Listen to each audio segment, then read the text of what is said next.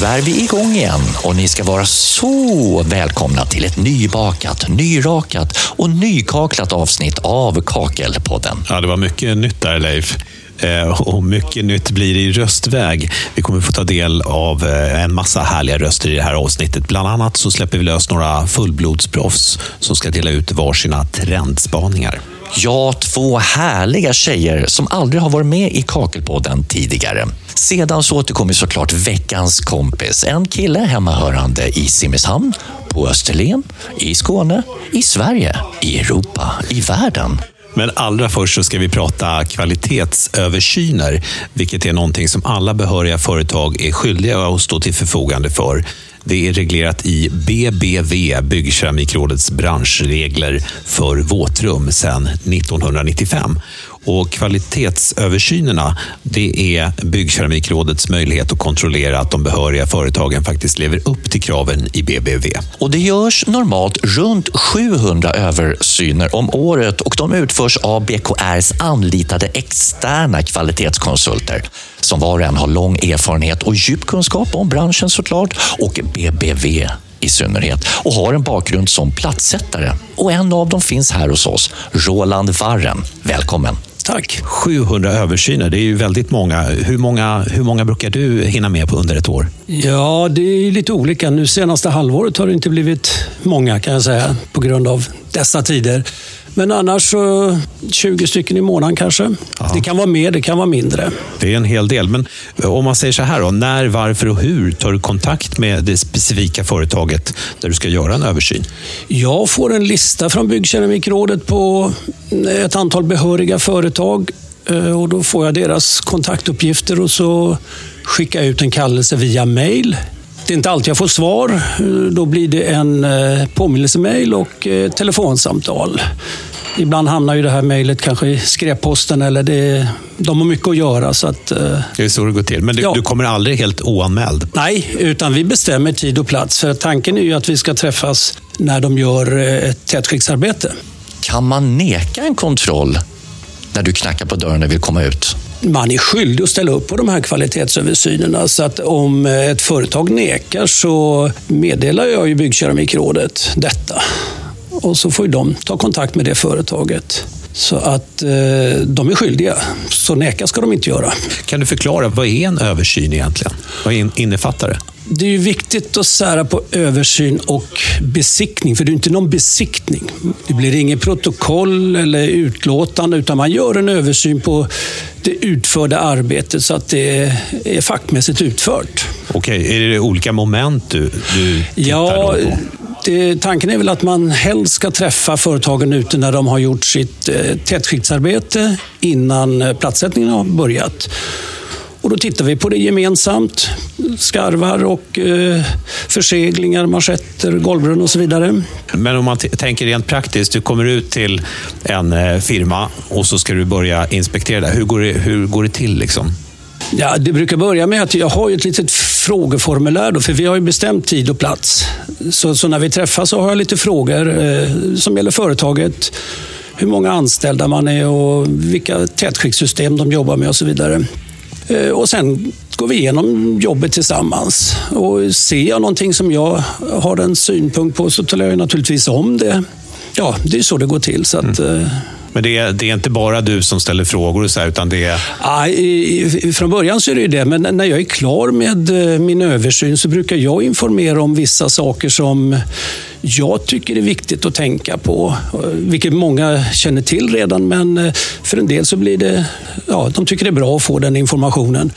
Och ibland så blir det en diskussion gällande branschregler och olika tekniska lösningar som även jag tycker är, är bra att vi får den diskussionen, för det ger mig mycket också tillbaka.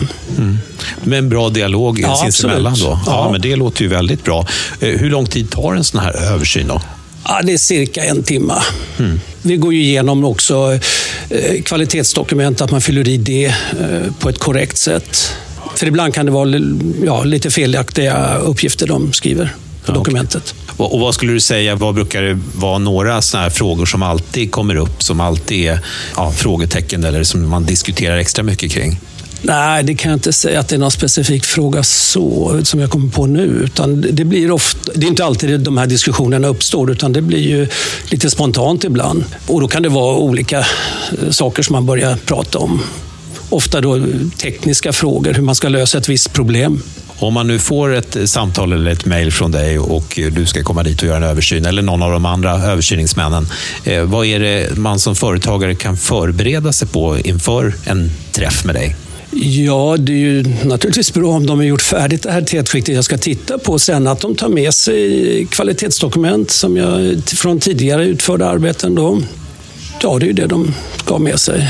Kan man förlora sin behörighet om man inte uppfyller ett x antal punkter som du har i ditt protokoll när du kommer ut? Ja, det beror ju på hur gravt det är. Eh, de flesta översyner ja, de ser bra ut. Sen är det en del översyner där jag ser vissa detaljer som man bör fixa till och ska tänka på.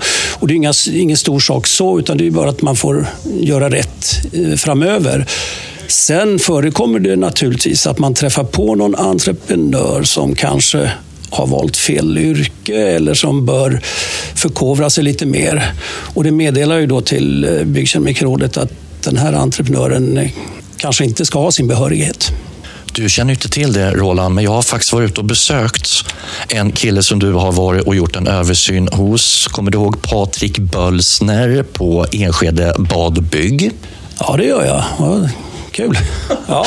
Jag träffade honom nyligen och frågade hur han uppfattade ditt besök där du var där. Jag märkte att han var riktigt gammal platsättare, man säger så. Han kunde, alltså kunde nästan allt jag hade lärt från kursen också. Så det var, alltså varje enda grej han svänger, liksom, att se att alla manschetter var på plats. Alltså nischen där som jag hade gjort, liksom, isoleringen och allting, fall på golvet. Så det var nästan att han inte ens behövde alltså, alltså inte ens sätta ner på golvet och säga något, något annat. För att allt kunde man se via ögonen, att hur ett riktigt arbete. Men så tog jag mina grejer och visade och försökte dra hans, hans uppmärksamhet och säga, kom mannen, kolla lite vad det är fel. Liksom, att, som jag säger till dig, till dig liksom, att du kommer och, och varsågod, titta, vad, vad har jag något, något problem här någonstans? Ja, han kände att jag försökte behålla honom i snacken också. Så till och med gick mer än någon, någon halvtimme, mer än han hade planerat. Lärde du någonting av Roland medan han ändå var på besök? Det var jag kunde se från honom, att han gav mig lite tips med att nästa gång, liksom, om det skulle dyka upp någonting. Fast inte på samma som jag hade gjort, liksom tätskiktet och allting som det var. Men det var något lite speciellare badrum där. Men och han gav lite tips att nästa gång liksom vad det var något fönster, ska vara lite försiktigt, kolla på nya regler, vad det har kommit, allting. Liksom. Vid trösklar, väggvinklar och sånt. Men allt liksom, de här äh, var att göra med lite manschetter och sånt. Så det var, I det här badrummet det var något speciellt Unidrain. Och det, det var Roland mest intresserad att säga till mig att om jag har följt monteringsanvisningar ni verkade ha en härlig stund tillsammans. Hur lång tid tog besöket ifrån honom? Kommer jag ihåg, det ungefär en och en halv timme, så mer än han hade räknat faktiskt. Så jag gillade, jag gillade att snacka med honom. Liksom. Det var, han var jätte, jättepositiv. Använde han något protokoll, något formulär när han kollade och ställde frågor till dig? Just där kom han med, med sådana frågor från BKR som han eh, nämnde att han ville lämna över, tror jag. Jag kommer ihåg lite grann. Så lite frågor och vad jag använder, liksom några tätskiktsmonteringar och grejer. Och, ja, det var alltså, något som har att göra med branschregler mest. Liksom. Hur gör jag väggvinklar? Gör jag fogen så här? Eller kanter efter silikon? Liksom. Han försökte att se om jag följer gamla, du vet, gamla standarden som har varit för fem år sedan eller det nya. Men det var inte så länge sedan jag fick kursen. Så, så jag följer hela tiden vad blir det sina nya utvecklingar från eh, vad heter på BKR. Men, eh, nej, men jag sa, med, med Roland, det var, det var faktiskt... Nej, jag kände inte att han fångade mig någonstans. Jag tror jag har vunnit. Eller hur? Så mellan 0 och 5 kakelplattor, hur många får då Roland? Klart, jag kan säga mig, jag ger 6 till honom. Sex stycken, inte fem. Plus en till stjärna från mig, eller hur mannen? Vilken härlig kille. Jag hade också ganska kul och trevligt när jag besökte honom. Hur känns det? Sex kakelplattor av fem möjliga gav han dig. Ja, det var ju väldigt roligt. Ja, lite överraskande, men det är skojigt.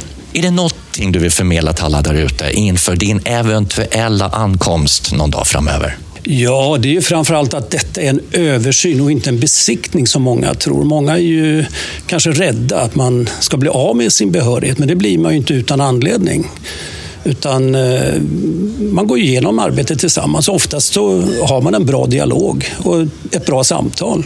Och en bra dialog hade vi med dig också och du får också en sex kakelplattor av fem möjliga. Och tack för att du kom Roland. Tack. Ja, nu har det blivit dags att följa upp trendspaningen från förra året. Då fick vi ju en bra summering i Kakelpoddens andra avsnitt eh, som ni kan söka upp och lyssna på i exempelvis Spotify. Men i korta drag så talades det mycket om marmor och natursten som liksom har hängt med i flera år. Eh, terrasslucken, marmorlucken, granitlucken och trenden med 20 mm uteplattor. Eh, starkare och starkare kulörer och mycket grafiska mönster som sticker ut. Ungefär så lät det.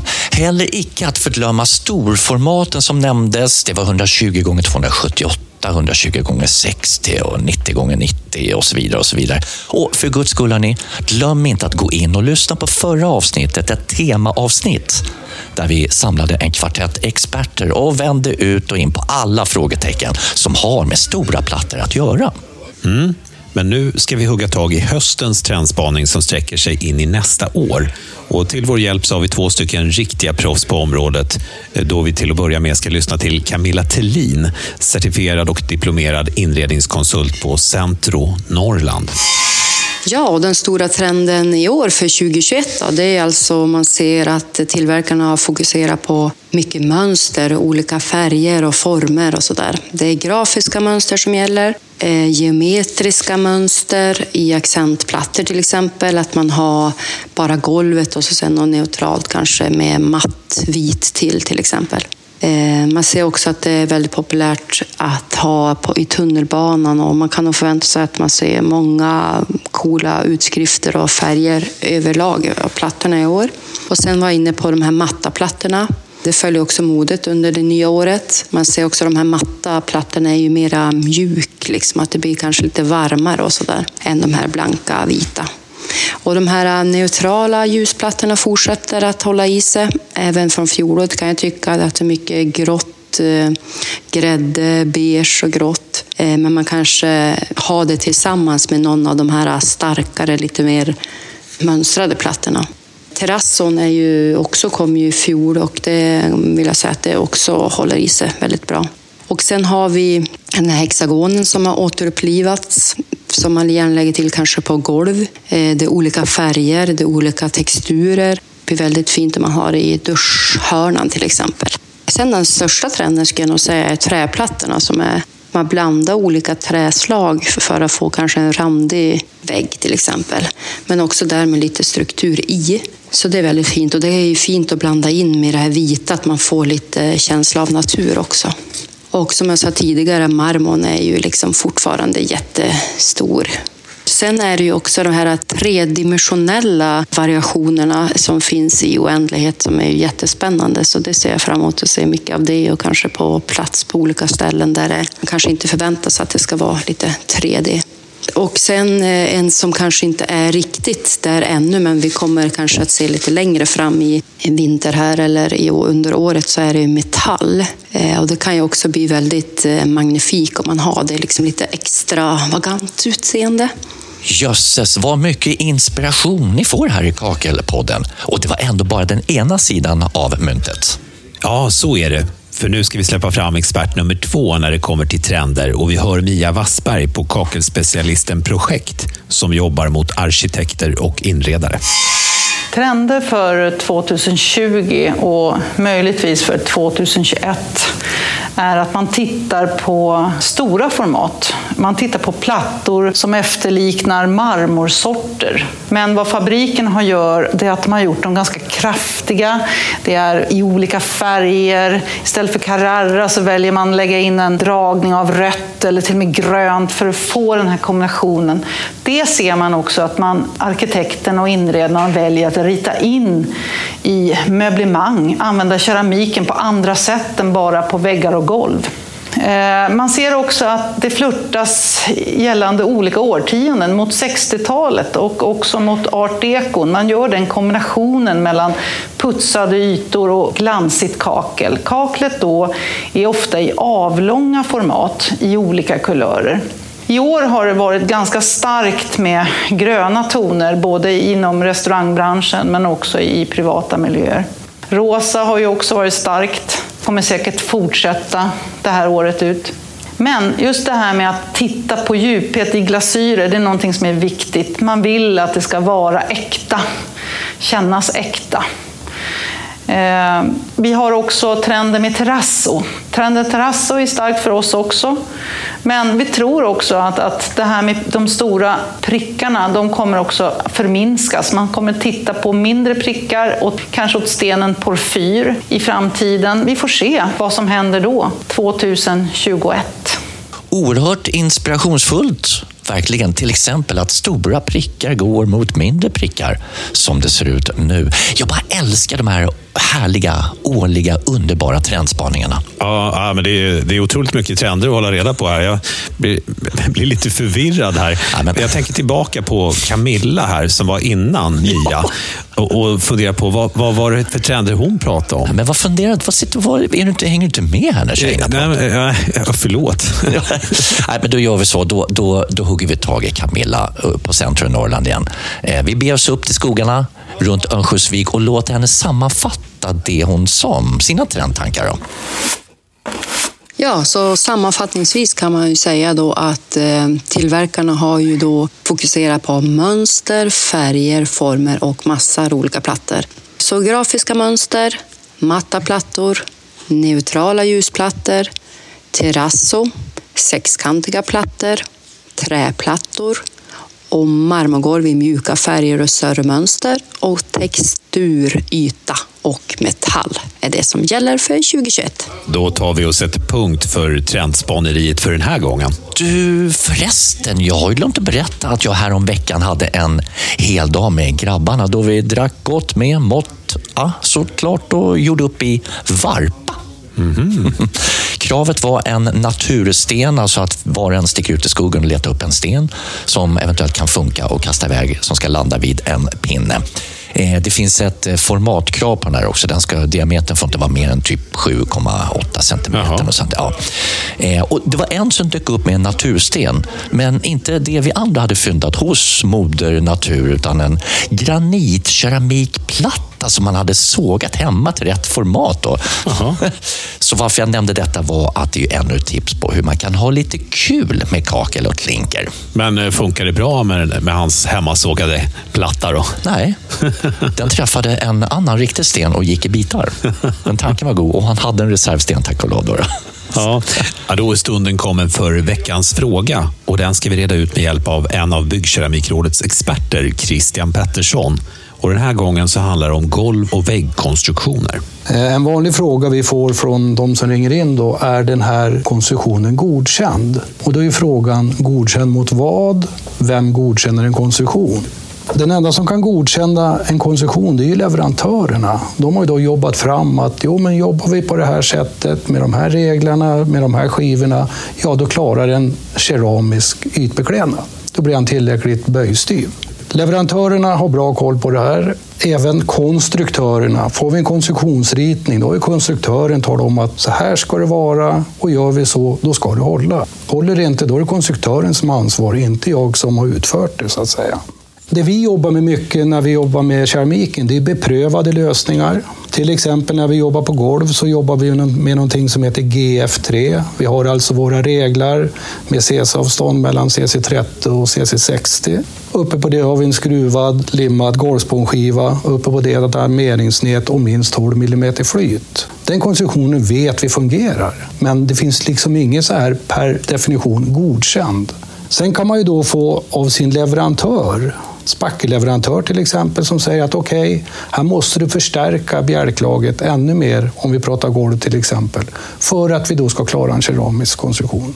Då har ju då leverantören tagit ansvar att okej, okay, höjer du eller ökar spackeltjockleken, då klarar du det här. Då är det inte jag som är ansvarig, spackelleverantören. Eller om jag då på något bygge eller om någon får en konstruktionsritning som jag följer, då är konstruktören ansvarig för att det fungerar. Jag ska inte behöva ta det ansvaret, jag ska ju bara sätta plattor.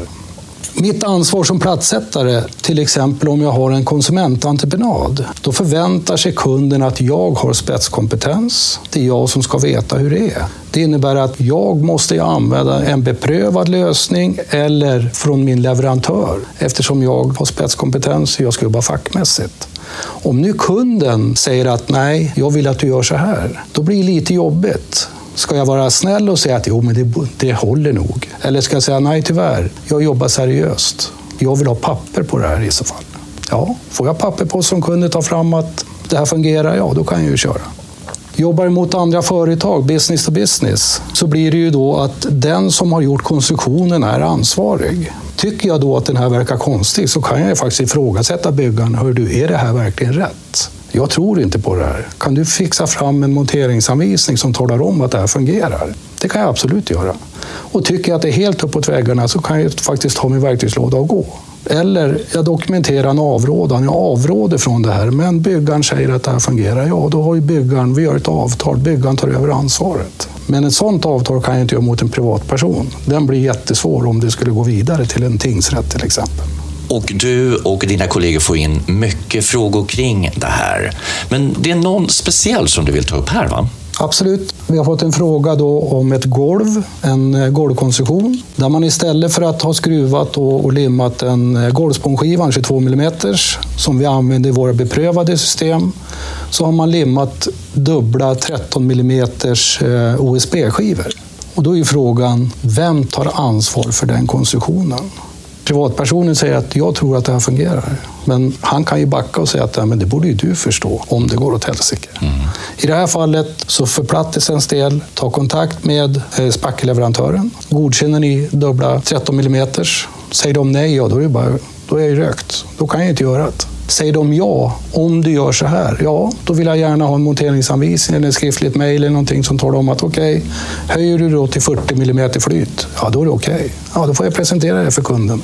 Så att slå en signal till BKR och vädja till er att snälla säg att det här är godkänt, det är inte att tänka på. Nej, vi kan inte godkänna någonting utan det är skivleverantören eller spackelleverantören eller en konstruktör eller något sånt där då, som måste godkänna än en gång en av experterna på Byggkeramikrådet som eh, lyfter en fråga. Och är det som så att du kanske har en fråga som du vill ställa så gå in på bkr.se bkr.se så kan du hitta kontaktuppgifterna. Man kan mejla, ringa eller kanske till och med gå upp på kontoret där och få lite hjälp. Så många bra alternativ du bjuder på, Marcus. Ja, visst gör jag. Och när man har gjort det, ja då kan man slå sig ner eller ställa sig upp om man vill det och lyssna vidare. För nu ska vi be oss ner till eh, Skåne. Det var nämligen så att det var det är en kille där nere, född och uppvuxen i Västerås, som valde att ta sitt pick och pack, flytta ner till Simrishamn på Österlen i Skåne och fortsätta sin plattsättarkarriär. Och det är han, det är Peter